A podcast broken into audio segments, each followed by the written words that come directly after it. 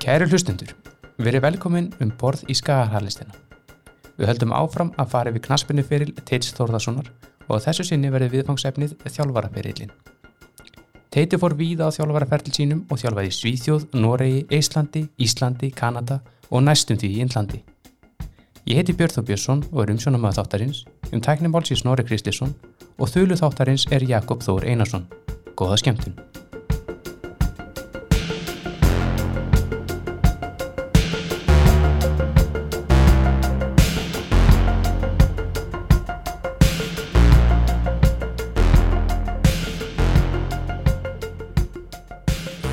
Erum við komin aftur hér með Teit Þórðarsson og í þessum hluta ætlum við að ræða þjálfara fyrir Teit sem er ekki síður merkilegur en leikmannaferillin.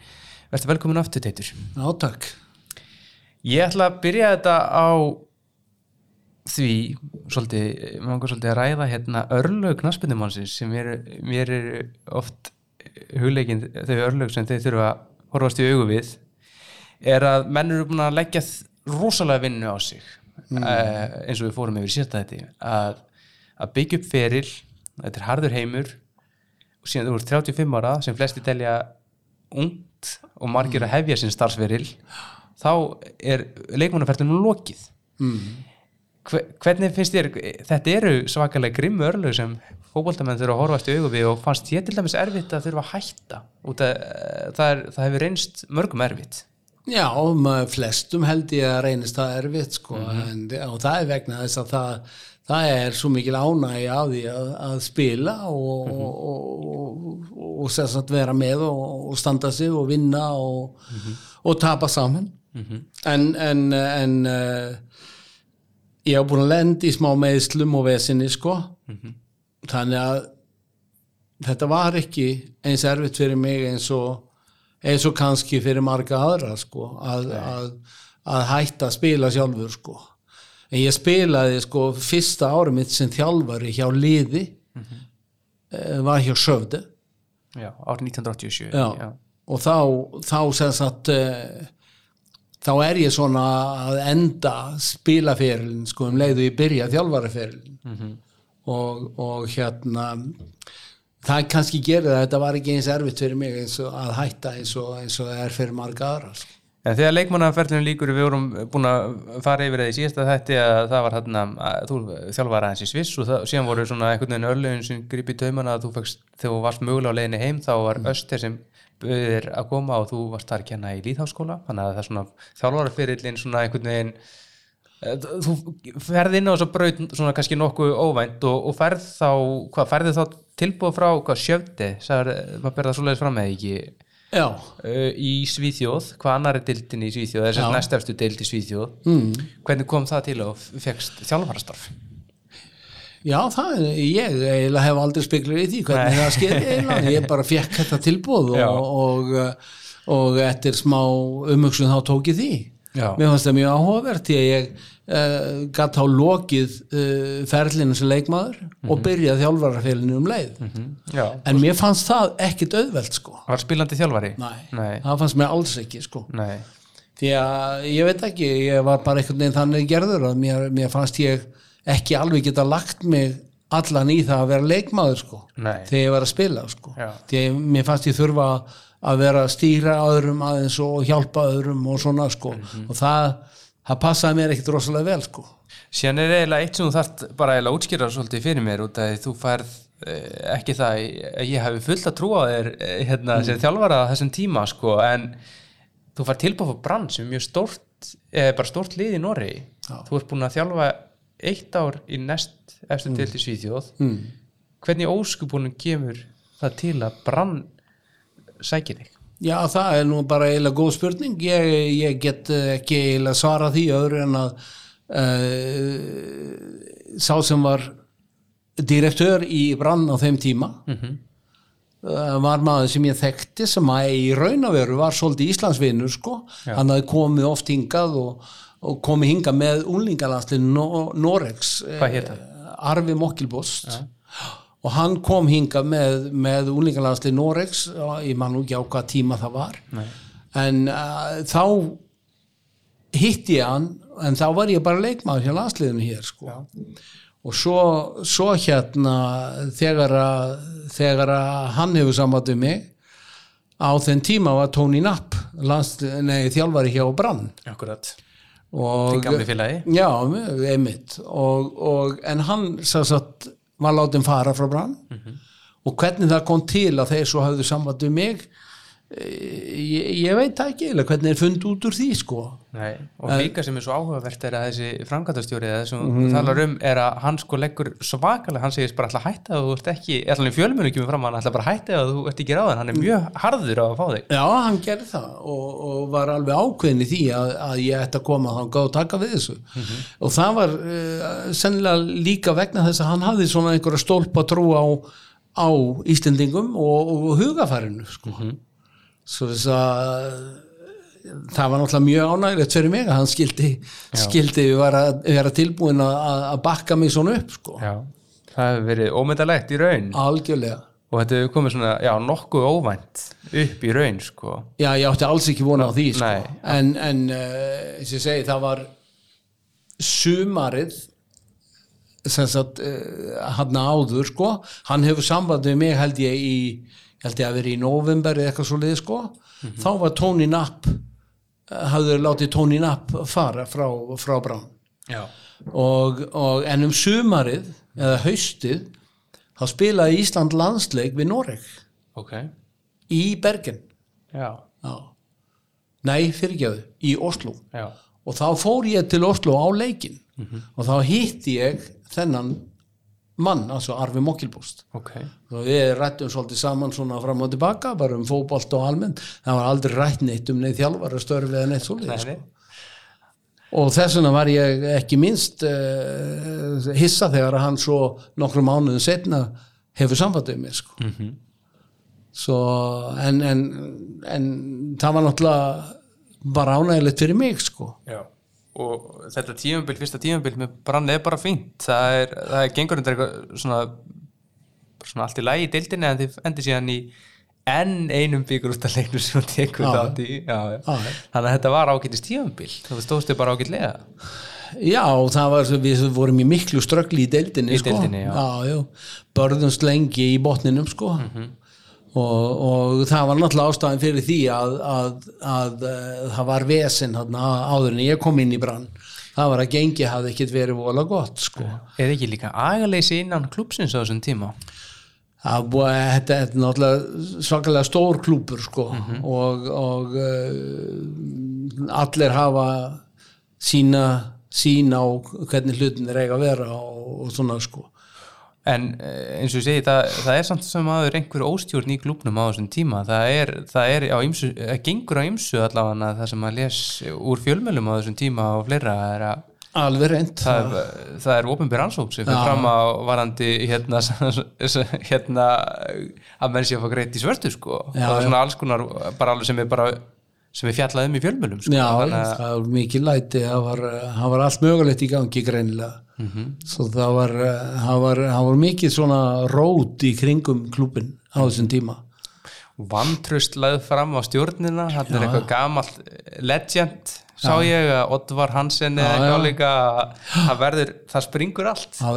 Það verður allt vittlust. og fannst þið það eiginlegt að, vinna í þessu? Þú náttúrulega kemur raun og verið þér kannski ekki beint við en Já, ég veistu hvað, að ég, ég veit miklu frekar vinna í klúb þar sem það er svona áhuga á hlutunum Já. heldur en einhverja sem allt er steindaut. er lífi í þessu Já, mjög mikið. já, og það var, það var ég man eftir sko á fyrsta svona það sem ég kalla úti generalfusamling, það er þar sem allir meðlumetni geta komið saman og, eins og konar ásting eða e, já, já, og þe- þetta fór fram í bara bíóhúsi sko, það sem, það sem stjórnin satt upp á senni og, og svo komu allir utan á bæ og settust inn í og, og svo var allt vittlust, það bara fór allt upp í loft. Já, var þetta bara eins og okkur borgarafundi allt, allt vittlust já, já.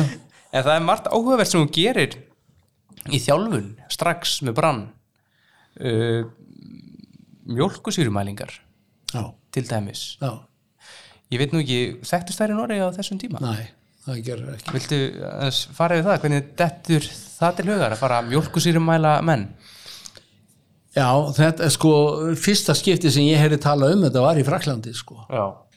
en, en ég, ég Voru þið mjölkusýrum mæltið þar? eða? Já, já það ok. skeiði, Já. skeiði einu tvisa sinnum held ég Já, en, en ég hafði enga reynsla á öðru leiti, ég vissi ekki hvað það var sko. nei en, en svo kynntist ég manni úti sem að getur Rolf Setidal og hann var í kringum um, skíða fólkið svolítið. Mhm. og þar voru þeir svolítið inn í þessum mjölkusýrumælingum og svona sko. Og hann fór að tala um það við mig sko að, að taka þetta inn í, í fótboltan sko. Já, og uh, mér fannst þetta rosalega áhugavert sko. þegar hann útskýrði það fyrir mig sko, hvernig, hvað var hægt að lesa út úr þessu og, og hvernig sko. Svo þess að ég fekk hann til þess að, fara í gang með svona sko. Og það var óbúslega áhugavert sko. Eh, eitt sem hún gerir líka í brann sem þú ert að einhverju liti gaggrindu fyrir skils mér af norskum fjölmennum að að fá bróðin til, til brann já, já, já. var það ekki? Varst, það voru ekki allir sátti við það? Nei, nei, það, það, það var alveg óhemmi á fólki sem að átti ekki orð til sko. Þetta er eitt gott, það var einhver sem sagði á hann ekki ömmu á skaganum Já, líka? getur það var sagt líka sko. Nei, ástæðan fyrir því að þetta var mikið kritisera var að það voru hann nokkrir nokkrir leikmenn sko. Og þetta skeður eftir fyrsta tímabilið sko Já, já, akkurat. Ég, sem, sem, sem að þetta skeður sko. En ástæðan fyrir, fyrir þessari kritika ég skildi ná í Óla bróðir var að, að ég lét nokkra af þessum stóru nöfnum uh, í brannliðinu lét það bara fara. Já, og, og uh, þá náttúrulega koll, þeir spekluðu mikið því sko, hvað ég væri eiginlega að pæla sko. Hva, hvað ég ætlaði að gera í staðin hvað ætlaði ég að ná í leikmenn og, og svona sko. Og ég, ég sagði um það bara sko að það væri náttúrulega alveg sama hvar við næðum í þá því að þessi leikmenn sem við létum fara þeir voru ekkit tilbúni til að vinna eins og ég vildi að við myndum gera. Nei. Og þá, þá er náttúrulega er það alveg bjarga löst að vera með þá áfram. Svo ég sagði við myndum bara finna út úr því og uh, þegar að svo að ég, ég uh, sagði þeim að við erum búin að gera samlingu bróðu minn sko. þá alveg bara döttu niður úr gólfinu sko. alveg það átti ekki orð til sko. en svo var það Óli bara stór stjarnar hann og stóð sér alveg opaslega vel Já, En við, við sérst losum einhver, okkur við hana á, á rétt rúmu tímabili Mhm. við eina held ég 12 eða 14 leikmenn. Já, bara algjör tiltækt Já, og það var sko allan veturinn fram að næsta tímabili þá var ekki skrifað um annað hverslega spölva rastni ég væri sko. Já, já, varst harlega gaggrindu og var ekki líka fyrir þessa jú. líka að það hefði verið hérna þó að byrsti svolítið setna ég ætla að fá að spila þetta smá brota sem þú ert einmitt gaggrindu svolítið setna en fyrir mjög sambarlega hluti og varst gaggrindu þessum tíma. We're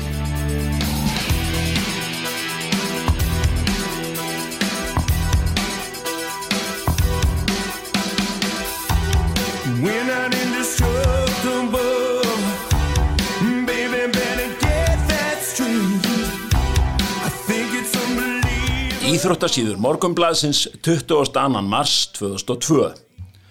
Torbjörn Glomnes, þjálfari Sogdal, sagði í samtali við Adressavísen í gær að sínir menn væru knattspyrnumenn, ekki langklauparar og þess vegna leta hann þá ekki hlaupa eftir gödunum eða í kringum stöðvöld.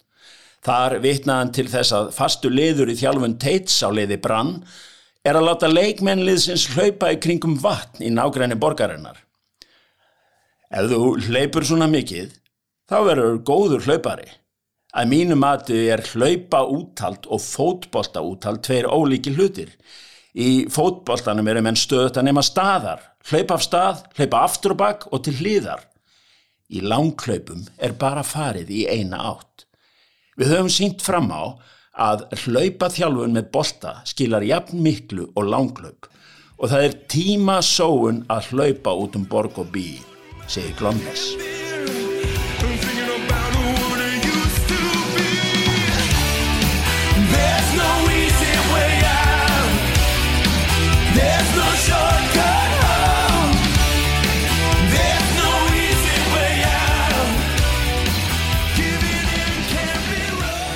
einhverju svona menn sem hafa ekki trúa eru að kalla þeir bara frjálsýþróttaþjálfara Já, og þú já. sért bara að leggja upp úr þrekþjálfun og menn verð ekki góður í fótbolta þrekþjálfun Mm. og allt þetta hvað segir við þessu? Var, uh, Nei, þetta var náttúrulega alveg nýtt í fótboltanum í Nóri sko. það, var- það var, þetta týðkaðist ekki þar sko. svo ég, ég var ekki týst á því þó að einhverju finnst þetta mjög engilegt og að þið krítið sér röða en mér var alveg saman um það nákvæmlega sama já, ég var alveg með þá hreinu hvernig ég vildi hafa þetta og, og með aðstóð þessara manna sem voru til dæmis að hjálpa mér í þessum laktatmælingum, altså í mjölkusýrumælingum þeir voru með allt á hreinu hvernig þetta var sko og, og, og, mjölkusýrumælingarna síndu bara að við vorum ekki við vorum ekki nálagt í sem að við hefðum þurft að vera sko meða við, meða við að vera topp íþróttamenn. Nei. Svo þess að það, það, það sem skeiði í raun og veru var að ég gætt farið að setja svolítið annar fókus á æfingarnar sko, hvernig við æfðum til dæmis vetraræfingarnar. Að, að það var hægt að æfa á allt annan hátt heldur en maður hafði gert áður. Og það hjálpaði. Við sáum strax árangurinn strax uh, á, á næsta tímabili sko. Hvað liði var í miklu betra formi og þó þetta væri leikmenn sem að sem að sem sagt, eh, voru teknir úr neðri deildum og svona hefði aldrei spilað í toppdeildinni þeir stóðu sér alveg hörgu vel að þeir voru í, í rífandi formi sko. Já, en þið eru ekki eða Nóregur er ekki komin á atvinnumann stig á þessum tíma, Nei. þannig og, og þið eru vantilega það bara að æfa uh, utan vinnutíma, kannski morg, morgunæfingar eða hvað er að gera? Við settum í gang uh, sérstaklega með hugsun uh, út af þessum uh, mjölkusýrumælingum þá fórum við í gang með æfingar klukkan 6 á mótana þess að við ætluðum að hafa klukkan 8 Já. en þá voru hann einhverju leikminn sem sögðu að við getum það ekkert sko því að við erum að fara í vinnu Já, þá sagði ég bara ok, þá æfum við klukkan 6 já, og, og svo gerðum við það já. Og líka breytir þau ekki þeirri menningu líka Nóri að þið byrja að æfa fyrir á veturna, þeir eru ekki byrjað í nóvember að æfa fyrir næsta tíðanbill. Jú, við gerum það. Við, við, eh, við sko venjulega þá tókum við frí frá því að deildum að búin sko, Já. í endan oktober fram, fram yfir áramót og byrjuðu svo að æfa aftur í janúar. Og sangant öllu þá náttúrulega er það allt úr löng kvilt sko. Já, því að þú, þú te- tekur fleiri mánu að ná sér upp á, bara á sama level aftur sko. Svo við, við eh, fórum þá í gang með æfingar sko fyrsta árið það gaf ég frí í november og svo byrjuðum við aftur æfingar í desember. Svo heldum við áfram altså árið þar á eftir heldum við áfram æfingunum út november og tókum frí í desember og fram, fram byrjun januar já, og þetta gerði það náttúrulega menn voru í miklu betra formi þegar þeir komið tilbaka sko. Og flest liði vantilega tekið þetta upp líka þá. já, já, þetta En síðan er líka eitt sem ég finnst áhugaverð við þetta út að ég var að skoða náttúrulega sögu eh, hérna ía er að mér finnst þetta mjög keimlikt því sem skagamenn gera þegar Gauði Þórðar kemur hérna 91 þá farum við að æfa fyrr Já. og það er farið í mjölkusýrumælingar fyrstir á Íslandi þess að gera það mm. Var hann eitthvað að heyra í þér? Var hann að ráfæra sig við þig? Gauði kom út Já, Já. og skoðaði hvernig Já. Brann var að gera þetta til dæmis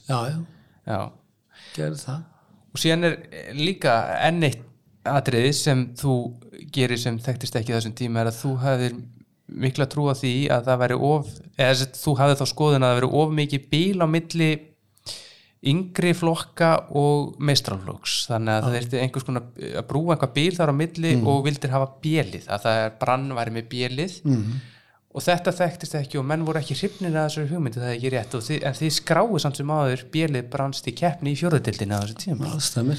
Og eh, er, það- af hverju, hvað, hvaðan kemur þetta? Af hverju vildir þetta? Já, vegna þess að mér fannst bara allt og stort gap á milli, eh, milli sem sagt uh, unglingaþjálfurinnar, altså uh, unglingaliðana og aliðana. Já, Svo þeir, þeir voru, bara, voru bara sára fáir leikmenn úr unglingaliðanum sem gáttu tekið skrefið upp, sko. Og þess vegna fannst mér vanta einhvern svona, einhvern millilið þarna. Og þess vegna fóru við í gang með þessi bjelið. já. Og þetta er líka eitt af þessum atriðum sem menn fylgja sér eftir og verður hluti af þessu eh, fyrirkomulagi. Já, og þetta þekktir svona að þú þekktir þetta mögulega hvað, frá Fraklandi eða hvað, þar voru bjeliðin sett inn í, það var bjelið að keppni. Já, já, í, í Fraklandi og eh, sem að mér fannst alveg frábært sko, frá, frábær lausn. Því að þegar þú þegar þú sem sagt, um, eða segir bara þú varst að koma tilbaka úr meðslum eða uh, veikindum eða eitthvað þá gastu spilað við fullorðna leikmenn sko, ekki bara með einhvern unglingalið. Þannig, að, þannig að mér fannst þetta alveg, alveg kjörin máti að gera þetta. Og við hoppum svolítið fram tímabundið til þess að þetta er langar að nefna að þegar þú kemur í káir síðan talar þú fyrir þessu mótili á Íslandi? Já. sem var ekki og síðan við sjáum þetta í loksins undanfærin ár sem þetta hefur verið að gerast á Íslandi. Mm.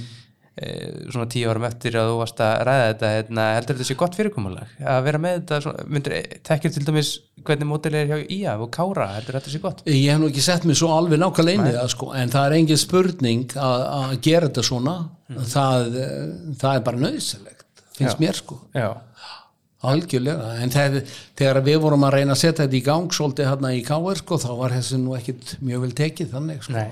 Og þetta, þetta verkefni hjá Brann gengur bara mjög vel hjá þeir. Það er bú- búið innlega ímis konar breytingar uh, á þriðja árið. Og það er 88, 89 og 90 ertu bara, kom, er Brann bara orðið eitt besta lið Norex, er bara í topparatunni.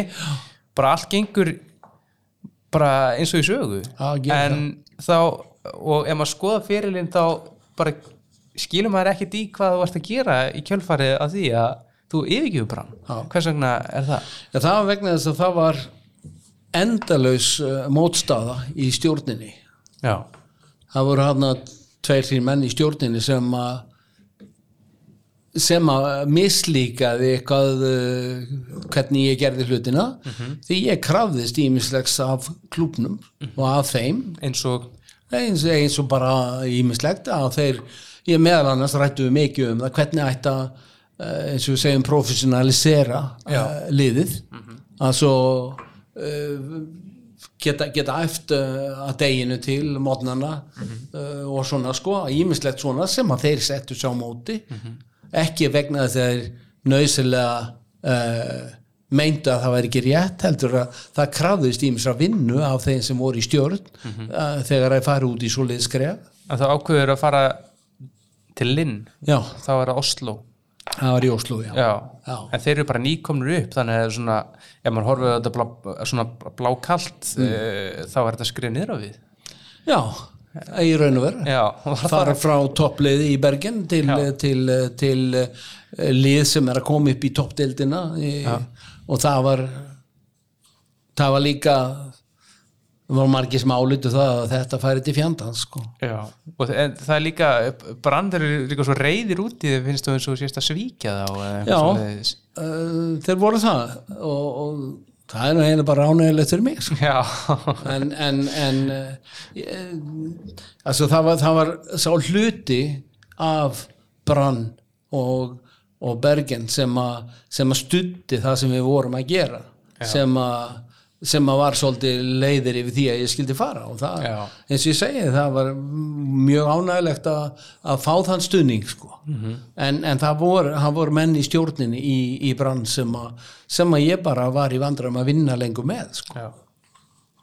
Og, þe- þetta er sko þegar þú verður til Linn 1990 og það eru mikil umskipti í raunum verið norskum fótbolta á þessum tíma mm. þarna er tippið líkan eh, að hérna að hefjast eða ekki eh, eða svona það er hún er stopnuð þarna Já, svo í því formin sem hún Já, ég er að segja það já. Sagt, já, og það er með væntalega auknu fjármagna einhverju marki fótboltin er náttúrulega að verða meira og meira professionell Já.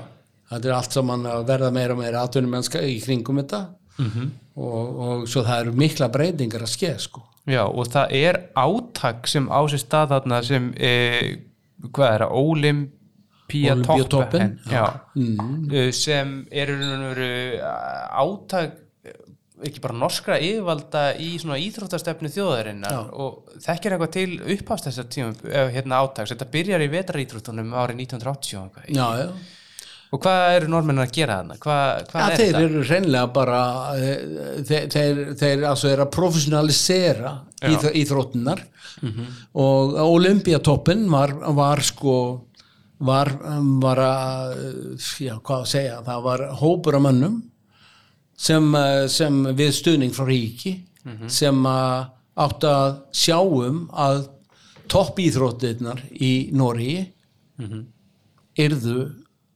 yrðu yrðu topp sko, yrðu, yrðu bara það besta? Já, bara efstast í Európu og þeir voru búin að uh, sanna það náttúrulega í vetra íþróttunum og svona sko, að, að, að þeir stæðu sér rosalega vel.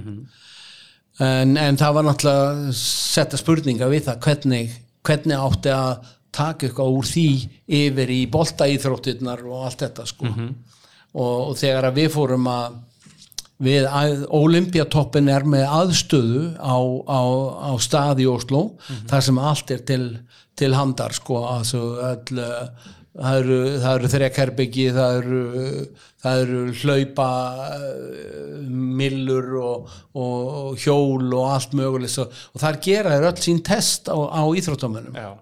Og við fengum sko, fengum aðstöðu þarna þegar að þegar ekki fyrir en ég var í Lilleström reyndar. Já.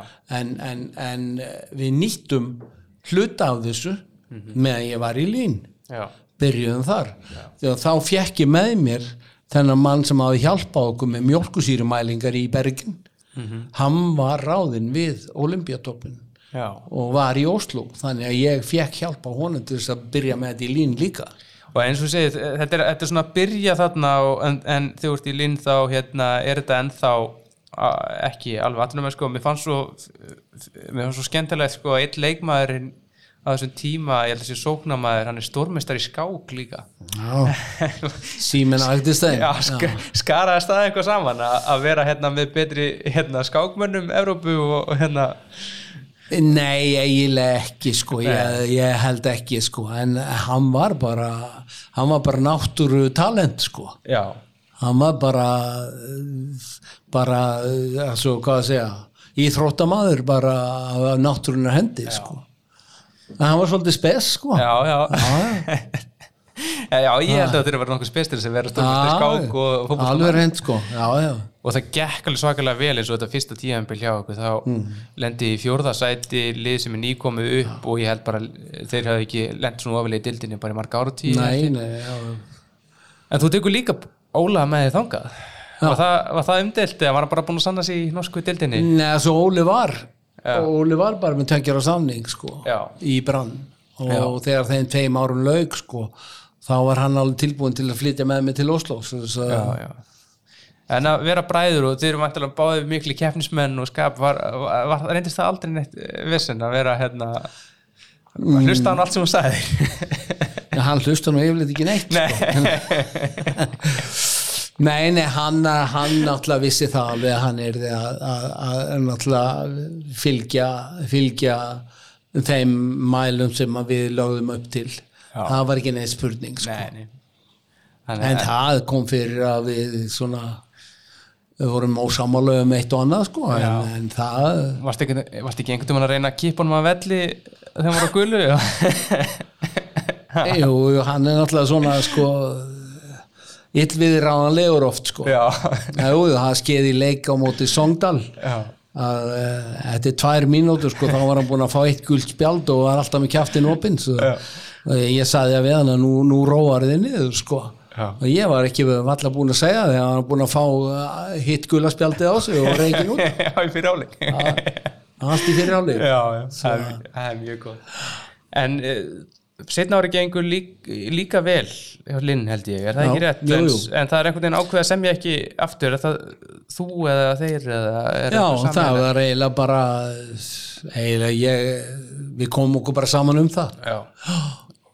En svona, svolítið sérstætt múf sem hún tekur eftir það er að, er að þú hérna dregur svolítið eitthvað orðin eitthvað leiður á þessu eða út af að þú fer niður í aðra dildina Já. en tekur að þér starf? Já, mjög áhugaverst Já, og það er raun og verið hluti að þessari uppbyggingafasa nú Norex á þeim tíma að þeir eru svona að pæla í líka íþróttamannvirkjum. Já, það var það sem ég fannst svolítið áhugavert sko, það var, það, það var altså, hann sem var um, hvað segir maður, direktör eða, eða aðal kallin í brann.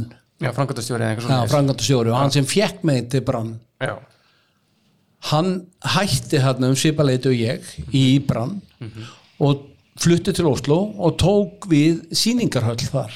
Já, og uh, var með allslags svona síningar þarna og svo er ein síning sem hann ákveður að setja upp sem að snýst um íþróttamannvirki já, og honum fannst ég myndi passa í að, að hjálpa honum við að fá þá síningu upp.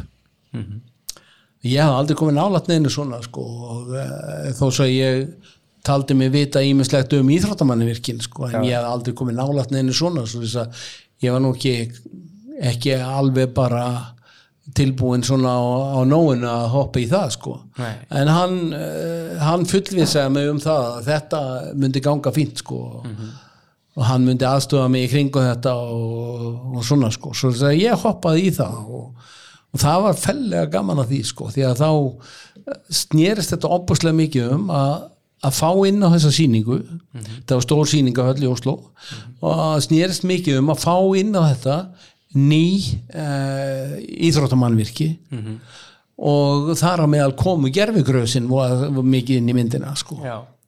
Og samtímis þessi litlu boltavellir með veggjónum í kring. Þessu battavelli sem eru eins og, Battavellir. eins og hérna, grundaskóla og já. þetta kom fyrst í Noregi sko, á þessari sýningu. Já, var, eh, hvernig finnst þér aðstöðumál á Íslandi til knastmyndiðskunar í dag? Hver, hver, er þín, hver er þín skoðun á að mér finnst hún náttúrulega ekki nógu góð sko, þó hún sé að skána Já, en til dæmis eins og K.R. þú Já. þekkir vel til þar Já. og ég bý sjálfur í Vesturbænum og mögulega fer krakki minn þangað Já. og ég lappaði þarna fram hjá æfingarsæðinu það lítur alveg nákvæmlega eins út og fyrir 20 árum þegar þú varst þar það er, e, mér finnst alveg hræðileg aðstæða fyrir fótboltan e, þurfa Íslandingar ekki spýti lóana og sérstaklega kannski höfuborgarsvæði ef að ætla ekki að vera eftir á í þessum málum? engi spurning, það er engi spurning sko. og eins og veðráttan er hér þá þarf hann þarf að gefa, gefa möguleika á að æfa inni við góðar aðstæður. Já, altså hallir, fleiri hallir sko. því að vetirnir hér eru, eru ekki, ekki þannig að það sé alltaf hægt að vera úti sko. nei, nei, og sérstaklega ekki með minni krakka sko. Nei, nákvæmlega. Og, en hvernig ertu hver er þín skoðun á gerfugrassi og alvörugrassi og all, all, all, all þetta? Altså, það er náttúrulega búið að vera alveg endalus umræða um þetta. Já, Eh, það er engin spurning að eh, það er miklu betra eh, fyrir allt og alla að æfa á náttúrugrassi hel- heldur en gerfigrassinu Já. en aðstæðan hér er bara ekkit, ekkit þannig finnst mér sko Nei. ég meina það er ekki takt að reikna með þess að ég getur hæft á, á náttúrugrassi hér allt árið sko nei En þú fer til Lilleström eftir þetta þú ert búin að vinna við þetta og, og þjálfa ég finn ekkert ítalegi í liðið, það var grei held ég Já. heiti, já, já, og var það ekki bara ágæti stími þar það er bara fínt Já. Já, já. En hjá Lilleström ferðin í mjög áhugavert verkefni inn í þessu átaksverkefni í raun sem við tölum um áðan Já. uh, þú verður eiginlega útskipta fyrir mig er þið, það er Olípíu Ólympíutoppurinn, sem við kalla. já, velji, eh, eru, þið eru uh, Lilleström er valið til þess að verða svona eiginlega fyrsta atunumannaliði í Noregi, er það ekki rétt? nei en við erum valin til þess að vera já, svo að hluta til Já, jú. einhver, svona, einhver undirbúa undir slíkt. Svo klubburinn fekk stuðning frá það sem kalla Olympiatoppen til þess að æfa eins og atvinnumenn. Og það fælst náttúrulega í því að, að uh, það eru morgunæfingar og svona sko. Og, og, uh, og þetta gekk allt saman mjög, mjög vel sko. En hluti af æfingunum var að fara fram á uh, svæði Olympiatoppin inn í Oslo já, já, já, þannig að sko leikmenn mættu til æfinga þar á mótnana já. og svo var aft setnipartin í Lilleström hvað er langt á milli? það er 20 mínuna kestla eitthvað svo Já. Það er ekki mikið meira það, svo, meira, það er ekki nei, nei. neitt það er ekki neitt sko En af hverju var Lilleström valið þarna? Og var, var menn alveg sátti við það? Það væri bara þetta lið Nei, svo almennt í Nóri var fólk ekkert sátt við það. Þegar þetta var náttúrulega akkur ætti Olympiatoppin að velja að, að veita þessu liði stuðning en ekki hinnum Mhm. svo þess að það var mikið rætt fram og tilbaka en það var bara vegna þess að þeim fannst að að Lilleström væri það væri að svo geografist þá var það rétt við hliðina á Oslo. Já, já, þannig að það var létt að taka og flytja æfingar frá, frá Lilleström til, til Olympiatoppin inn í Oslo. En þessi vet, það var alltaf oft talað um það, ég bara þekki ekki hvernig það var í Núrei, hvort að það var eitthvað orðið úr en ekki, það var svona að tala um vetraserju að liðið myndi fara erlendis og keppa einhverjum mótum þar. Og það var gert. Það var gert. Og hvað var þá, dvali lengi erlendis? eða? það var bylting í norskum fótbolta sko. Það var að það var sett upp mót á Spáni. Mhm. að þar sem að uh, var, var bóðið inn liðum frá þessum, frá Austur-Evrópu og annað svona. Og svo voru spilu mót þar niður frá og við vorum á La Manga til dæmis í Alicante og, og fleiri stöðum. Voru við niður frá spiluðum þessi mót og þá spilum við topplið sem voru erlend lið sko. Rúsnesk lið uh, lið frá frá lið, baltisku löndunum uh, frá skandinavisku löndunum. Og, og bara hörku lið. Já. og, og þetta var þetta gerði það að tímabili lengist. Sko og, og að, að, að fá möguleika að spila leiki sem að sem að þýða eitthvað sko. Það var allir munurinn fannst mér sko. Og var það fjármagnaða liðunum sjálfum eða var það hluti af þessu verkefni? Olympiatoppin borgaði hluta af þessu.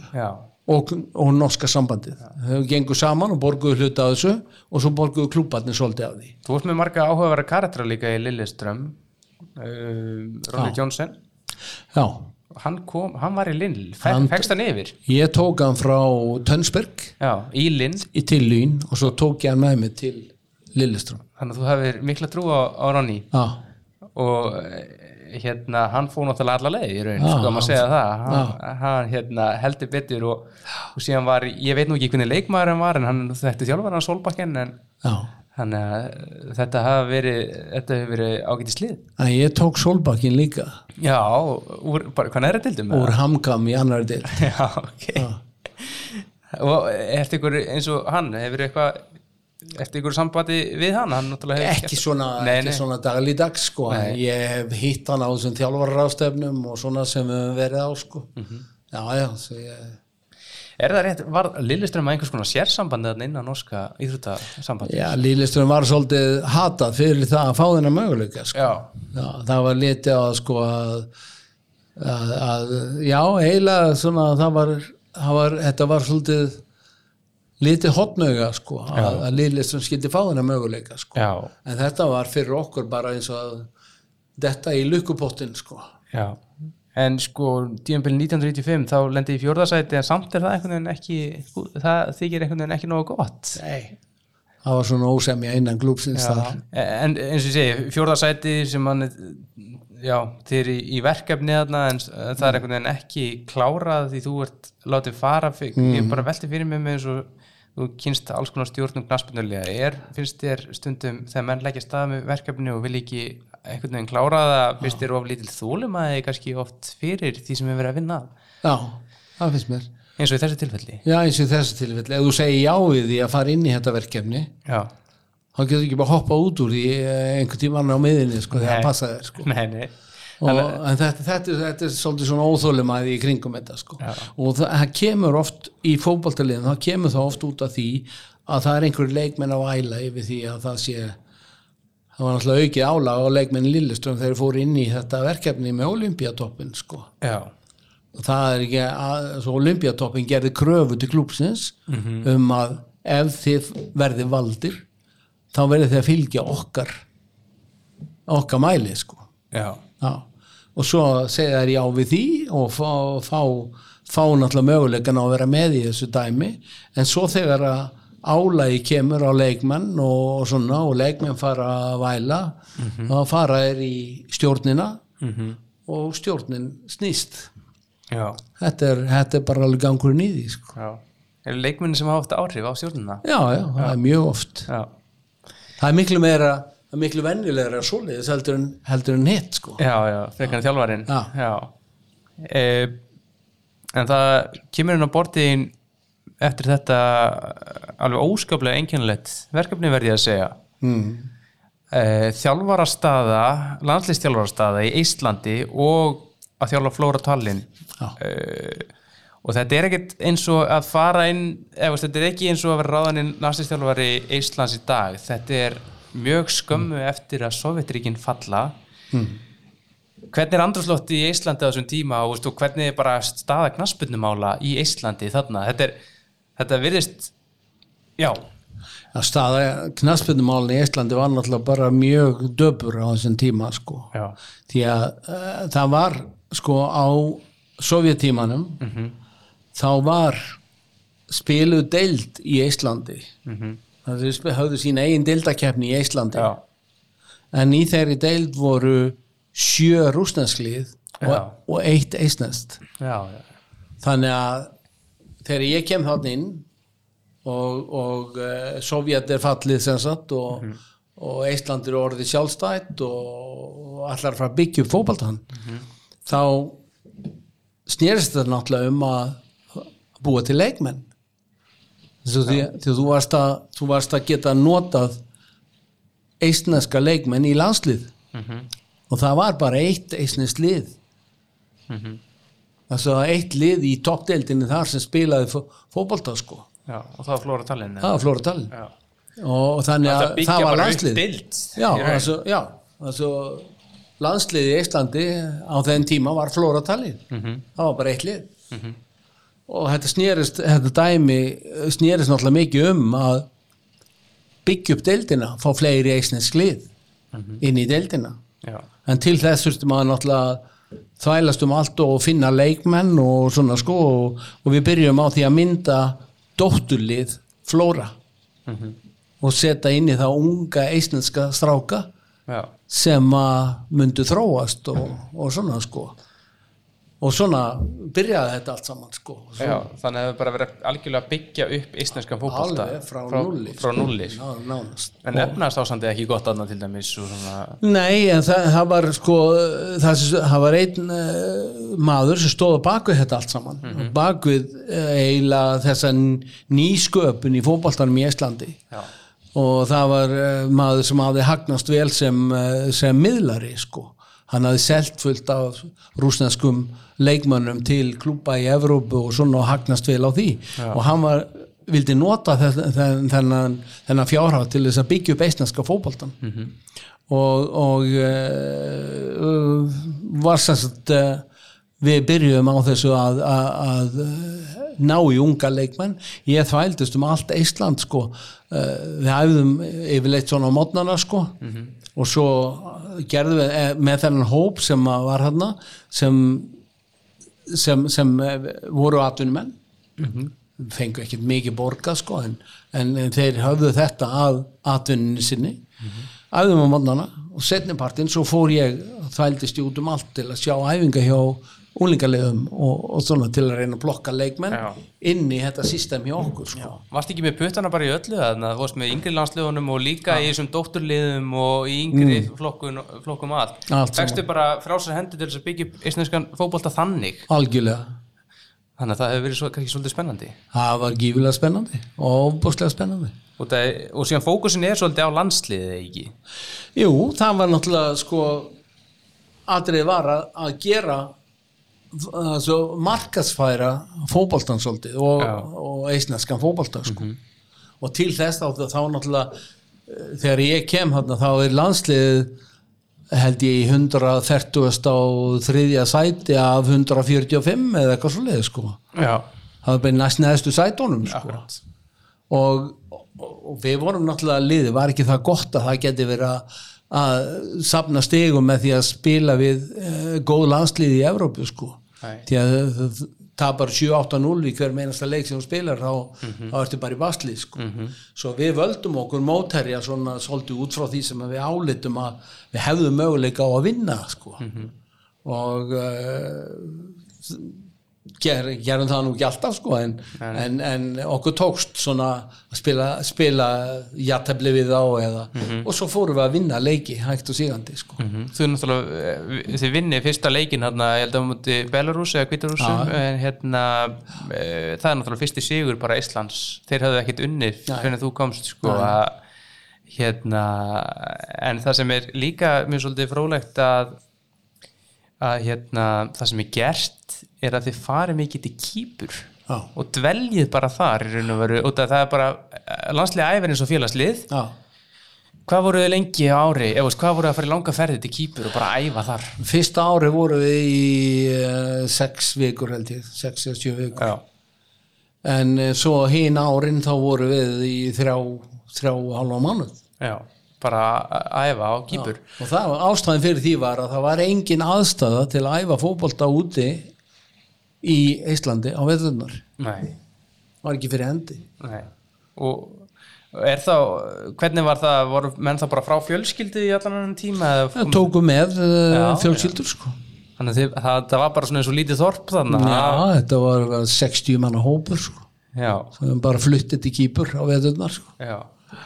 Það voru ekki margir svona þekkti landslismenn þarna, eða hvað var ekki Mart Púm eða hann var já. og kemst í ennskúrustildina meðan þú ert Já, já, það var, þarna. eitt, það var eitt, eitt af markmiðunum þegar við settum þetta dæmi í gang. Það var að, að þróa leikmenn sem við getum selt út Mhm. fengið náttúrulega peninga til að gera eitthvað meira fyrir fótboltan í Íslandi. En, en ekki minnst fyrir auglýsinguna sko. Skapa, skapa að fá upp augu annara fyrir því að það væri eitthvað að skeið í Íslandi sko og það, okkur tókst þannig að, að selja fleiri leikmenn sko já. En það gengur vel líka hjá, eins og segir, þú, þið, þið farið að úr einhverju 140. sæti upp í 70. sæti eh, þannig að þetta gengur allt mjög vel og, og fyrstum sinn eins og segir, þið eru að gera jafntefli hinga og þanga og, en fyrir undakeppnina sko EM 2000 Já. þá hérna eru þið bara í baráttu? Eða veist, þið bara fáið bara fína uh, summu af stigum og þið eru bara Já, já. eh, samkeppnishæft lið í raun sko. þannig að þú lítur hann að vera nokkuð stoltur af hvað hva árangrið þú, þú tókst. Ég var rosalega stoltur að því. Já, því að þetta var búið að vera alveg rosa barningur sko frá því að við byrjuðum dæmið sko. Já, en, en eh, þegar eh, við settum sniður bara og, og settum upp ákveðið plan fyrir hvernig við ætlum að vinna þetta.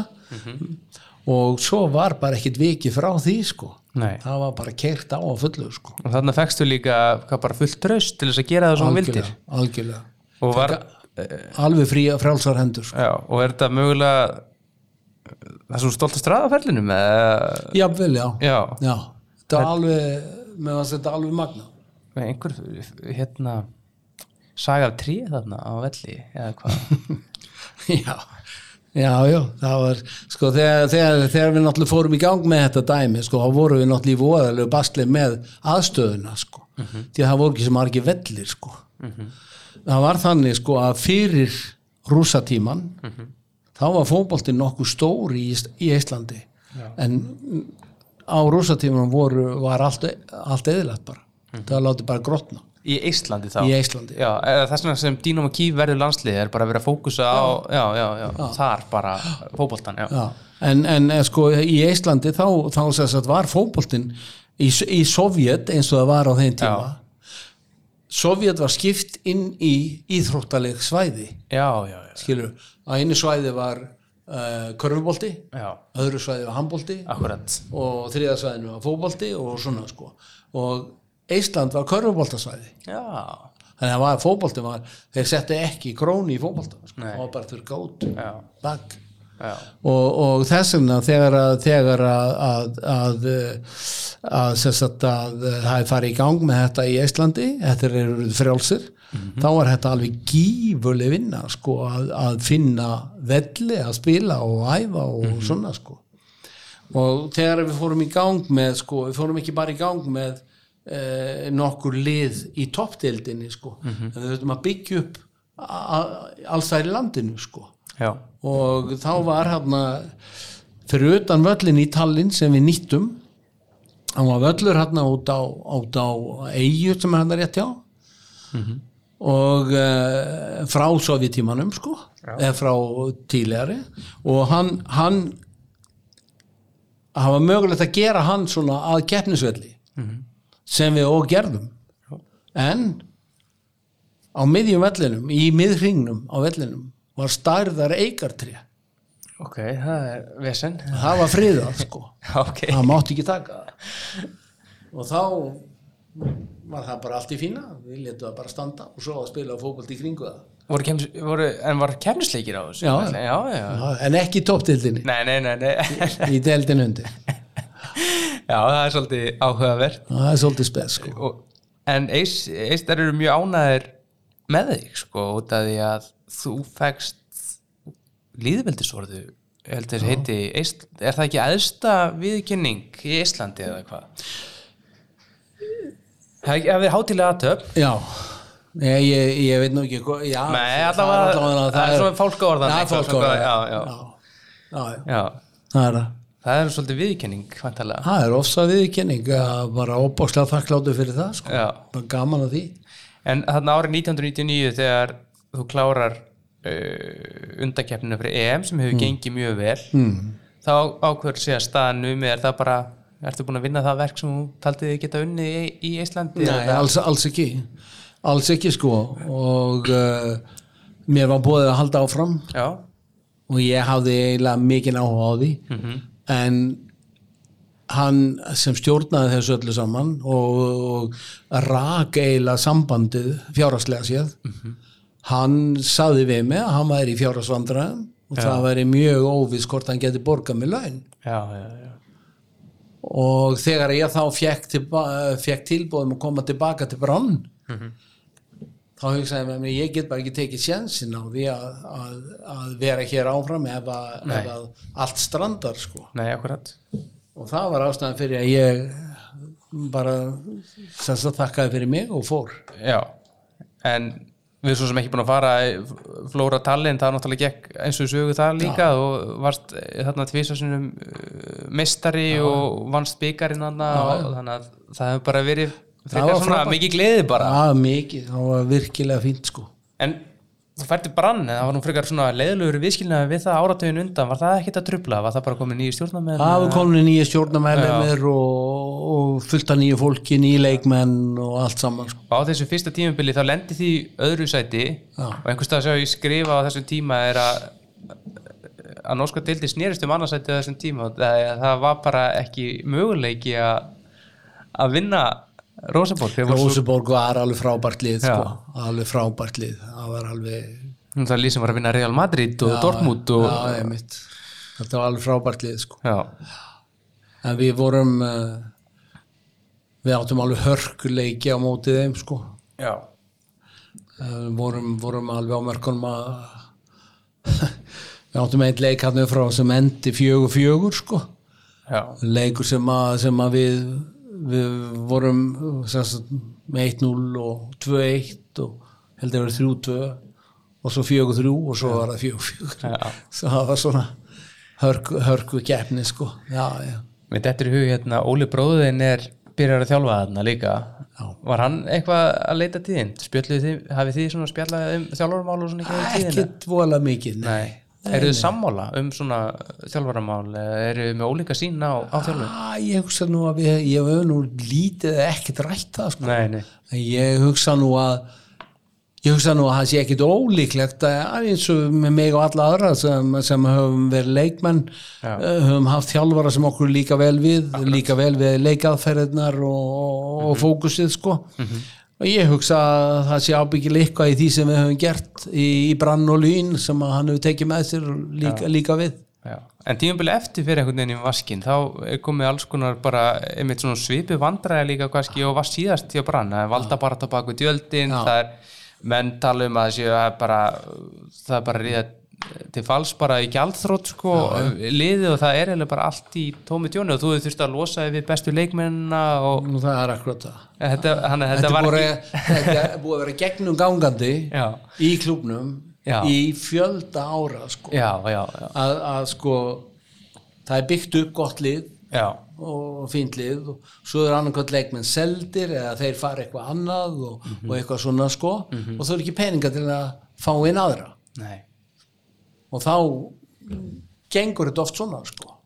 Og ef árangurinn eins og í Bergen sko ef árangurinn er ekki topp þá er allt vitlust En síðan einhvern veginn endur tykur sagan sem svolítið fyndið að þú hættir hjá brann tekur Þetta við linn og aftur verður allt brjála Já, og það er menn tala um að það séust að svíkja og Já, já. allir, þetta er, þetta, er, þetta er svona eiginlega eins og endur ekki efni tíu árum senna sko. En ég er einasti þjálfarinn já, sem hefur verið beðin um að koma aftur til brann já ok. Þeir hafa ekki svo neitt annan? Aldrei. Nei. það er allir sem hafa verið þar þeir hafa helst vilja sparka þeim á endanum út já, já, ok.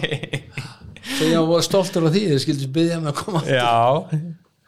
En þetta sko tímabil samt hjá Lund, hérna Linn hérna er, er svona erfitt sko. Ertu, þú lendir í og það er raun og veru mjög áhugavert að skoða sko þegar þú ert að koma ánga þá eru það er svo sé einhvað einhver sústemming í klubnum út af því það eru menn strax byrja að segja já ég er nú ekki alveg nú ánað með þessa ráningu og ég, ég vil ekki að hann komi og eitthvað svona. Það var ósemja um það. Já, og ég meina, ná, og náður einhvern tímann til leikmanna þá þetta tímabil, voru ekki einhverjir, aðilar þarna sem voru Na, voru hann eldri leikmenn hann inn í hópnum Já. sem, sem að voru ekkert sátti við það. Því að ég breytti ekkert mínum þjálfunar aðferðum svo liðislega sko. Nei, nei.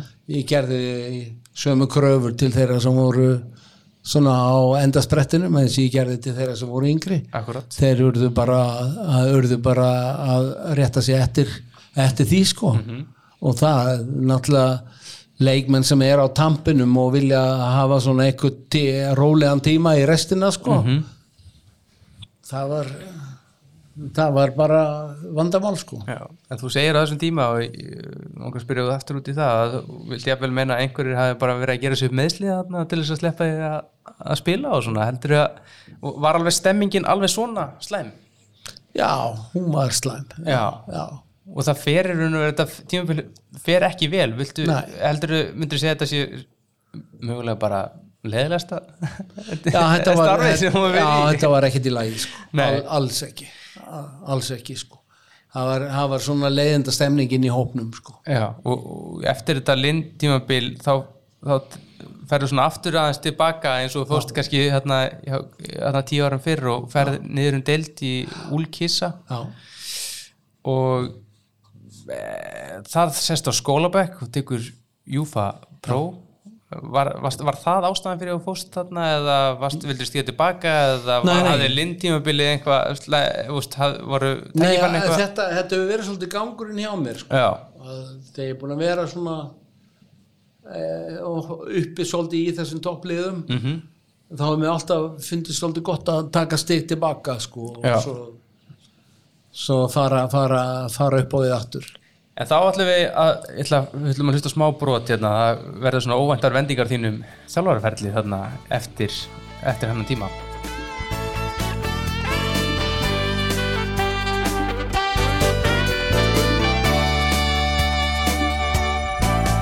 Hvað er að fallegt í Kína, keisarans allir skína, hvíta við safið sænum með nokkuð indisleira. Íþróttasíður Morgonblaðsins 12. september 2005 Káeringar kynntu í dag nýráðin yfir þjálfara knattspinnu deildar félagsins en Teitur Þórðarsson hefur skrifað undir 5 ára samning sem tekur gildi 1. janúar næstkomandi.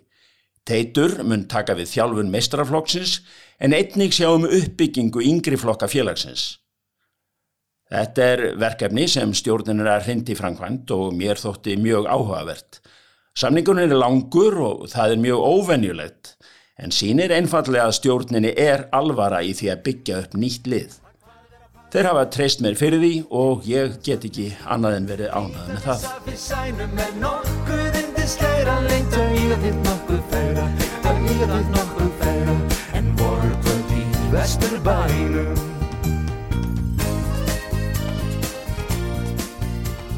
Þú snýr tilbaka eftir þrjá, næstu í 30 ára fjárveru frá Íslandi árið 2000, lok ást 2005 já, og gerur 5 ára samning við Káir sem er hansi óvennilu samningur á Íslandi í dag og þarna. Ennþá einkennilegri. En hvað hva var af hverju komstu til Íslands og hvað var við þetta verkefni sem heillaði þig? En það var verið að tala um uppbyggingu, það var verið að tala um að, að þróa lið sem að geti náð lengra heldur en bara að vera gott lið á Íslandi. Mhm, Algjörlega. Og mér finnst svona ef maður skoða hvað hugmyndur þú ert með þá er það svolítið kannski svolítið líkar því prógrami sem var í gangi í Noregi upp úr 1990 vildur þú innlega svolítið það sem var í gangi þar Algjörlega. á Íslandi? Og þá erum við að tala um það sem við tölum áðan það eru bjöliðin og allt þetta en síðan er eitt sem talar mjög fyrir það eru úlinga svona akademíur sko, það sem afreiksstrákarnir geta sótt. Mm. það eru hvað morgunæfingar og, og, og, og vildir sko tengja þetta við mentakerfið Já, framháskólakerfið já, og fannst þið námið þar mikilvægt? Já, mér finnst það, ég, mér finnst það, uh, það, það sé ekki góð lausn að, að menn dengi sér út í fótboltan þegar þeir eru sérst 15-16 ára gamlir og, og uh, hafi bara það að hugsa um því að það er ekki nema lítil prósenta af þeim sem að vilja sem að text já, þannig að hvað gerir maður með alla hinna þá sem að, sem að detta úr lestinni? Hvað, skeiður með þá? Þess vegna vildi ég að þetta yrði svona einhver balans í þessu sem gerði það að, að, að, menn gátu gátu eiginlega nýtt bá, báða hlutina. Og það er líka sko að þú breytir töluverðu í meistaraflokki KR og til þess morgunæfingar. Já. það hafði ekki verið það var ekki mjög vinsælt. Nei, þá ertu að gera í svipa og í, í brann að það að nákvæmlega sama. bara ræsa menn klukkan hvað sjöumannana fyrir vinnu í raun? Fyrir vinnu. Út af þetta er sér menn hafi ekki þannig að já, já. og hvernig tóku menn í þetta? það var misjamt Já, sum fannst það held ég bara mjög fínt og öðrum mislíkaði það. Já, sérstaklega þeir sem voru eldri og voru svona á, á síðasta síðasta fjórðungnum. Voru ekki nennan þessu. Æ, þetta var ekkert fyrir þá sko. en, En þú hafði trúaði að þetta myndi gerast það sama á Íslandi og í Nóri að við færum úr þessu hálf atvinnumönsku og færum meira í átta þessa, Já. þessari atvinnumönsku Já. uh, gerðist það? Eða skilur varstu of snemma á ferðinni? Er þetta ekki kannski það sem hafi verið að gerast síðustu fimm árin á jú, Íslandi? það er alveg rétt það, en ég vissi að það kæmi að því. Já. En, og, og uh, ef við hefðum haldið því áfram þá hefði þetta náttúrulega hefði káir verið langt á undan sinni samtíð í sambandi við svoleiðis. Mhm. en, en uh, já, það er þetta liðin verða bara að velja hvernig við vilja hafa hlutina sko ef þú vilt bara guttla í því sama endalaust sko, nú þá er það allt í lagi líka sko, en ef þú vilt virkilega ná árangri þá verður maður að gera eitthvað til þess sko.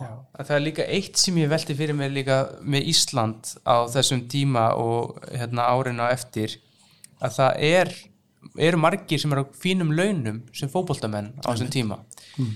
Þessi sömu menn og maður þekki mörg dæmi þess Já. eru síðan í fullri vinnu líka já. en samt með fín laun frá íþjóttafélagin og þá velti maður fyrir sér til hvers er, launa, er ekki verið að launa leikmannin til þess að sinna að geta tekið þessi vinnutapi sem menn börðist fyrir áður Einmitt. en af hverju var þessi lenska og hefur oft verið á Íslandi að menn er að vinna fulla vinnudag og er einhvern veginn á tvöföldum launum, kannski góðum launum í félagsliðinu og fínum launum í vinnunum sinni en það er ekki gerð krafa til þess það er að akkurat það sem málið sko. Það er akkurat það sem að klúbandi gerði ekki kröfu til leikmanna um að ok, þú færi svo og svo mikið í laun og þá verður að minga vinnuna þína um einhverja tíma til þess að geta stunda æfingar. Það var ekki gert. Ég bara alveg hissa á því sko, í raun og veru sko, því að það, það er ekki neinn það er ekki neinn launung að þú ætlar að ná árangri þá er að æfa já, ef þú ætlar að ná betri árangri þá er að æfa meira svo getur þú sagt ok, við horfum á fótboltamenn og sjá hvernig þeir hafa það. hvað gera sundmenn? Þeir æfa klukkan 6 á mótnana og þeir æfa klukkan 5 setnipartin og svo gera þær einhver æfingar á milli og einhver á ettir já. Já. en fótboltamenn nei, mæta klukkan fjögur það er fínt og svo heim og hafa það fínt. Af hverju he- heldur einhver, þetta sé einhvað hugafastlegt hjá fótboltamönnum eða? Já, ég held að þetta sé bara, þetta er bara, þetta er bara, eh, altså klúbarnir verða að gera kröfur. já, Nú, nú, eru, nú eru fullt af leikmennum orðnir atvinnumenn. Já, akkurat. Og, og, eh, mér finnst bara eðlilegt að krefast þess að mæta á æfingu tvisar á dag. Já. Þannig að það er náttúrulega að stýra álæginu sko Já, já. En, en, en ég meina yfir vetratíman þegar ekkert spes er í gangi Mhm. það er ekkert í til fyrirstöðu að, að, að hæfa tvisar á dag og menn séu aðeins þreyttir og slitnir sko, það gerir bara ekki til Nei, og, en þú vildi líka meina að þú vildi auka álægi út að þið fannst vera of mikill munur á þrek, þreki manna hér á Íslandi eins og Norðurlöndunum. Að stökki verið mögulega of Já. stórt eða menn færi út? Þannig að þú vildir færa þetta nær já, nær því? Já. En þetta er, uh, fyrsta tímabilið þið farið mjög hægt á stað en síðan setni hlutin þá verið þið eiginlega óstöðandi sko. er þið þá menn komnir í þetta? Nei, þá er sko, þá ertu, þá ertu farin að fá borga fyrir æfingarna sem þú gerðir við veturinn. Já, akkurat. Og til lendi í öðru sæti og komist í byggarúslit þetta fyrsta, fyrsta ár. Og þetta er, er þetta ekki áhugavert ár? Þú ert ég meina, frendiðin aðstóðu þjálfari þarna Já, steini, Steini, það, það hefur nú verið gaman að, fá hérna að þjálfa með honum. Alveg, fýtt drengur sko. Og síðan er eh, hérna annar leikurinn, ég veit ekki, kannski er þetta bara ennitt leikurinn fyrir því, en annar leikurinn með K.R. í Íslandsmóti er hér upp á Skaga, það mætir í fyrsta sinn Já. í 30 ár. Já, og í keppni á Akarnesvelli Já. bróðin að þjálfa og, og hérna snarvitlis á línunni. Já, snarveitur, það verður allt vittist í leiknum líka. Það er raukt spjald á markmann og eitthvað, mannst eftir þessu? Já, líka? Fannst þér ekki svolítið gaman að koma aftur? jú, jú, það var, það var gaman að því sko. En kom aldrei til greina á, öll, uh, set, uh, á ferlinum, þjálfaraferlinum var einhver tíma til umræða að þú kemur upp á skaga nei, Nei. það var ekki. Það var, það var altså ég fekk aldrei neitt uh, neitt möguleika á því. E ef þú hefðir einhvern tíma að fengið hefði verið íhugað það? Á þeim tíma hefði ég kannski gert það sko. Já, það getur vel verið. Já. Já, en akkurat á þeim tíma sem ég fekk þetta tilbúð frá Káir þá passaði það bara ansi vel sko. Já, já, akkurat. En eins og annað tímabili ykkar 2007, já, þá fer einhvern veginn allt í vaskin svo að þetta gengur ekki neitt eða þannig. Nei, það gekk bara svona miðlungs. einhverjir, ef þú staði verið talað um að mögulega hefði hérna liði verið kannski bara þreytt og bara hérna búin að að það sé búið að það sé búið að hjakast of mikið á því sko. Um, myndirðu segja að það væri eitthvað sannleikur í því? nei, Ekki neitt? nei. Nei. ég er búin að gera þess að sömu hluti með liðin úti Já, og ég veit alveg nákvæmlega hvernig það er það er bara, menn vildu þetta ekki þeir vildu bara hafa það betra heldur að fólk, menn hafa ekki vilja leggja nógu mikið á sig? Næ, yngri leikmenn, jú Yngri leikmenn? Já. Já. en, en ef að ef að, ef að sko ef að er, er margir eldri leikmenn í hópunum þá eru þeir yfirleitt ekki eins móttækilegi fyrir svona hel, eins og yngri leikmenn og þá þá er þetta mjög erfitt að, að fá í gegn Hefur vilja verið með yngra lið? Já, ég hef alltaf gert það það sem ég hef verið, ég hef alltaf yngt upp liðin því að, því að þau eru meira, meira móttækileg fyrir meiri æfingum og það er alveg á hreinu og þú verður ekki góðunum með að æfi meira heldur þú hefur gert. Þið gerir fimm ára samning, þú ert látið fara þarna mitt tímabil 2007 þá er þið nú, myndi ég segja á fimm ára plani komin að sér stutt á veg í þeirri vegferð sem þú lagðir upp með. Já, Ertu, varstu svektur út í, í káringa að, að standa ekki með þér og, og reyna að vinna þeim framgangi sem þú taldir allan og nöðsynlegan Nei, ég var ekkert svektur yfir því sko. Nei. ég, eh, ég er búin að þekka þetta frá svo mörgum stöðum sko að, að þetta er svona gangurinn í þessu sko. En, en, en eh, þegar ég sá hvert, eh, hvernig þetta myndi verða þá var ég ekkert að ergja mig á því sko. Það er bara en þið leiði vel í Vesturbænum Já, mjög, mjög, mjög fannst ég eiga fínan tíma í Káir alveg reynd sko og ég hefði sjálfsagt verið tilbúin til að vera eitthvað áfram ef að, ef að, ef að þetta hefði orðið þannig sko. En það sem tekur við eftir KR er eiginlega hérna á mörgum tímum æfintýrum er það eiginlega eitt að svona uh, áhugaverðast á þetta þú ferð sko hérna vestur um haf. Þú Já, ferð það alla leið til Kanada, Vancouver, Whitecaps Já, það var meira áttar ævintýri sko. Og það ertu enn einu sinni í uppbygging að fassa út að þeir eru með ákveðna hugmynd. Hvaða hugmyndir höfðu þeir? að þeirra hugmyndi voru að koma sér inn í MLS-deildina og til þess að komast þanga þá þurftu þeir að, að byggja upp lið. Og þeir þurftu að sína bæði að þeir hefðu fjárhag í lægi og, og hafa ákveð skipulaga á fjárhagnum. Mhm. Eh, það eru kröfur sem MLS deildin gerir til allra liða sem koma þar inn. Já, og það, þú getur náttúrulega ekki fallið úr MLS-lildinni, heldur þetta svipa fyrirkomulega NBA, þú vart að vera, og þarna þarf þetta eins, og- segja, fjárhæðan þarf að vera sterkur Já. og umgjörðin líka, þeir þurfa ekki að fara í gríðarlega uppbyggingu. algjörlega. Það hefur verið að hafa gera stóra kröfu til vallana sem er spilað á. Mhm. uh, Hvað var stóru völlur? uh, já við, við altså þegar liðið kom inn í MLS deildina þá þeir byggðu nú bara völl sko. Byggðu nú bara heilan völl hann á einu ári sko. Með, með svona, því að það var stærðar höllarna sem tók held ég bara um 45.000 manns eða eitthvað svo liðs sem að var verið að, að laga. Já. og þeir, við gátum ekki nýtt hana strax. Og þá bara reistuður völl sko. Já. bara hann yfir veturinn sko. Já. Bara flengt honum upp sko völlur sem að tók uh, 40 smads Já, það er ansið uppflögt. svo þegar höllin var tilbúin þá bara rifur hann niður og einn, og þetta er svona einhver eigandahópur sem tekur þátt í og einn þeirra er ekki hérna, Steve Nash hérna, eh, sem var nú með betri köruboltamönnum NBA á þeim tíma. Eh, bróður hans að spila liðinu, ekki satt? Uh, jú, já. Martin Nash hann spilaði hjá mér, hann var fyrir liðliðsins var, hann, var Steve Nash eitthvað að skipta sér að liðinu? Nei. Eh, ef, veist, hittur hann eða, ég hitt hann, já, Já. en aldrei skipt sér aldrei neitt nei, hann nei, nei, en hann síndi áhuga. Já, já, hann átti náttúrulega hluti í þessu sko. Og fljótlega eftir og kemur hérna þá spili sýningaleik við eh, LA Galaxy hérna og David Beckham náttúrulega þar. Já, þetta er risa leikur, þetta er bara fjölmennasti leikur sem þú hefur stýrt liðið, hvað 40.000 manns á vellinu og, en þið vinnið leikin Já, já.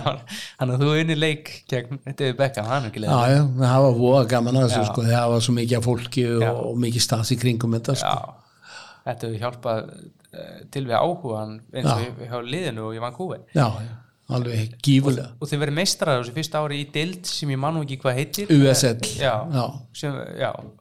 og það hefur verið örugglega mikið stuð en, en það er alveg svona eitthvað svakaleg ferðalög sem þeir eru á á þessum tíma.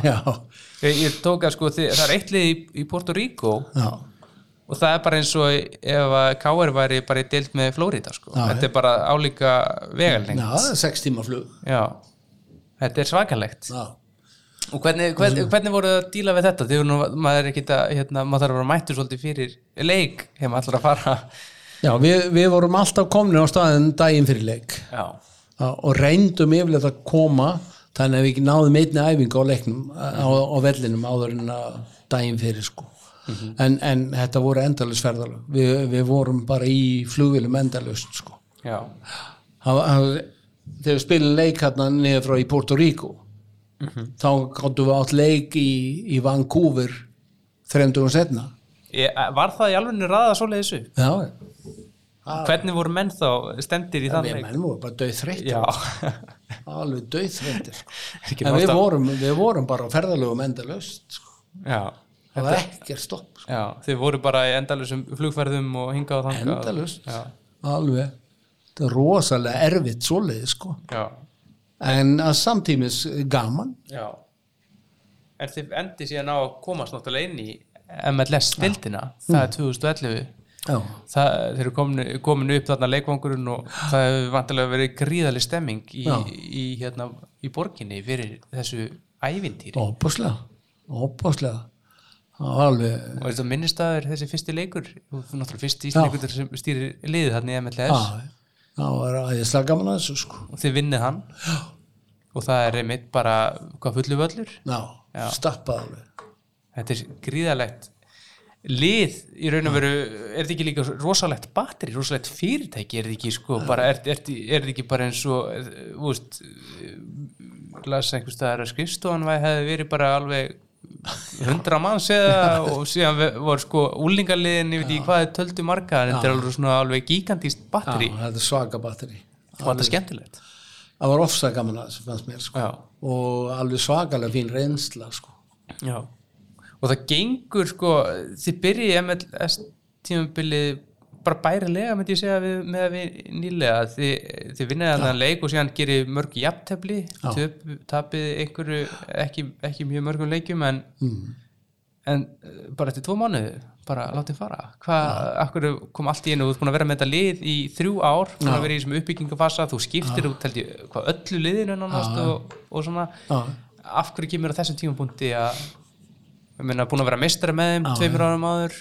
Uh, hvað óþjóðum að þetta allt í Nei, einu? það er eins og oft áður sko, það er það, það er það kom inn hann maður sem uh, var búinn að vera að þjálfa í, í MLS já, og uh, hann var kom hann inn sem einn slags ekki framkvæmdastjóri en svona einhver slags yfirmaður sportsins sko og okkur samt ekkit vola vel sko. Nei. Svo að uh, það endaði bara með því að að ég var látið fara sko. Já, það stóð bara milli okkar svo leys He- hefur oft lent upp á kant við stjórnamenn og, og þjálfara? Já, já, það Já. skeður svona hver, Jafn- hver jafnt heldur og þau skýr þétt. ekki séð ertu þrjóskur er, eða viltu hafa hlutina ákveðin Já, ég vil hafa hlutin ákveðin átt og, og uh, já, ég er ábyggilega þrjóskur líka sko. það er svona uh, sko ég get ekki ég get ekki verið að að vinna alltaf eftir hvernig aðri vilja hafa það nei, ég verið að gera eins og ég vil hafa það sko. já, því ég, ég hef ákveðin að trú á hvað hvað gengur vel. Mhm. Og ef ég þá ekki get unnið svo list þá, þá þá get ég gjarnan pröfa að gera öðruvísi sko, en ef ég hef enga trú á því þá, þá er enga líkur á að það takist. Nei. Þannig eftir eh, eins og þú talaður um í, í fyrir þættinum er að þið og veru bara setja staðan að eitthvað liði mjög vel. Þetta er æðislega já, frábær staður. Og heimsækja þetta eitthvað ennþá? Nei, við höfum ekki Nei, gert það sko. nei. Við höfum ekki gert það Nei, en þetta er alveg æðislega staður sko já. Það, og eftir þetta eventýri tekur næstum því við annað eventýri en það fer einhvern veginn ekki eins og átt að fara það var þessi indverska ofudild sem átti að Já. átti að setja á lakirnar og, og hérna þú ert ráðin inn til liðs þar mm. sem ég held að Crespo hafði átt að spila með Já, já. og, og einhverju svona stóra stjörnur Já, já. þetta hefur vantarlega verið spennandi og þetta er lengi, þetta er alveg eitt ár sem þetta er svona möguleiki en síðan Já. Af hverju, hvað gerist? Hvað, Já, málið var það sko að þetta, þetta var fyrsta skipti sem átt að gera atvinnumanna deild í Indlandi. Já, og uh, þeir höfðu enga velli. Nei, nei. Þeir ætla að spila deildina á beisbólvöllum mm og uh, það fengur ekki samþykki frá FIFA. Ja, nei, FIFA bannaði það algjörlega. Já, þannig að þá ætluðu þeir að reyna að gera eitthvað í þessu á einu ári þannig að þeir frestuðu deildin um eitt ár eftir eitt ár þá höfðu þau bara ekki komist neitt áfram í þessu máli sko. þannig að það var áframhaldandi frestun já, þessi deild fór í gangi í fyrra eða hittu verið aldrei já, já, eftir alla hann tíma já. En hvernig var það þegar þú varst að býða? Gastu það saman með einhver önnur liða? Vorst, varstu beið- á launum hjá þeim? Eða? Nei, nei, ég beið þarna í ákveðna mánuði sko, ég man ekki hvað lengi sko og uh, þá var mér bóðið að taka að mér lið í á þeim tíma anna, annari dild í, í Nóri Já, uh, nei, þriðudild þriðudild Dröbak Frón heiti það. Já. og þá tók ég það lið að mér bæði sem þjálfari og uh, svo sá um, sá um sportið, sá um fótboltan í klubnum já, hvar er það lið? Er það í Oslo? það er rétt fyrir sunnan Oslo Já, bara, og er það ekki liðið sem, sem þú ert síðan með alveg einhver fimm ár þarna?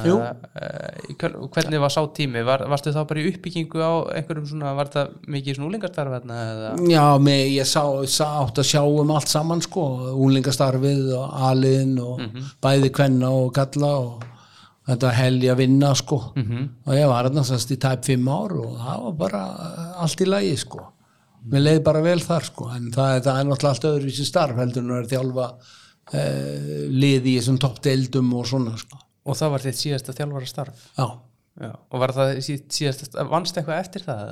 Nei, Nei. nei, nei, það var það síðasta Já. Og, e, og ertu hættur að þjálfa? Já, ég hef nú sagt það, ég hef nú ekki, ekki eiginlega vilja segja að ég sé hættur sko, en, en uh, uh, það þarf nú ansi mikið til uh, að ég myndi gera eitthvað í, í því sko, neða, getur vel að kæmi upp eitthvað vola fínt sko, myndi Hvað þarf til?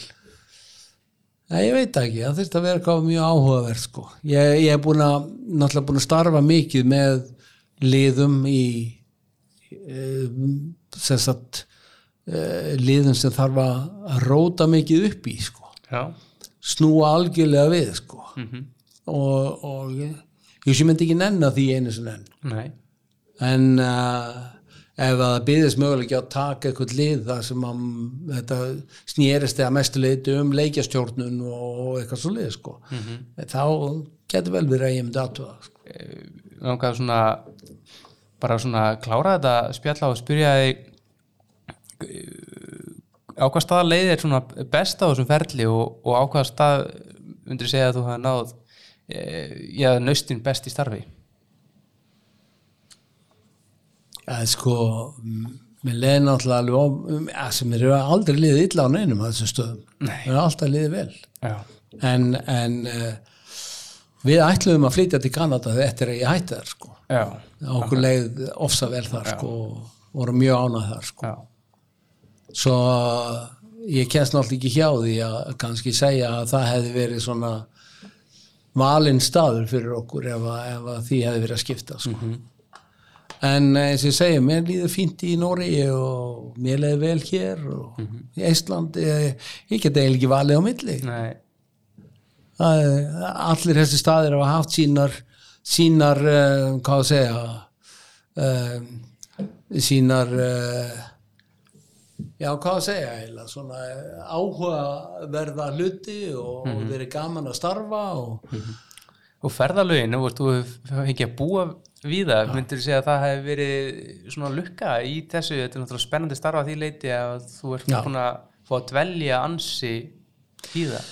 Já, ég hef verið svo heppin líka sko að, að ég er náttúrulega með fjölskyldu með mér sko. Mhm. og uh, með konu og tvö börn hérna allavega áður sko sem er búin að ég er búin að þvæla um að alla Evrópu og víðar.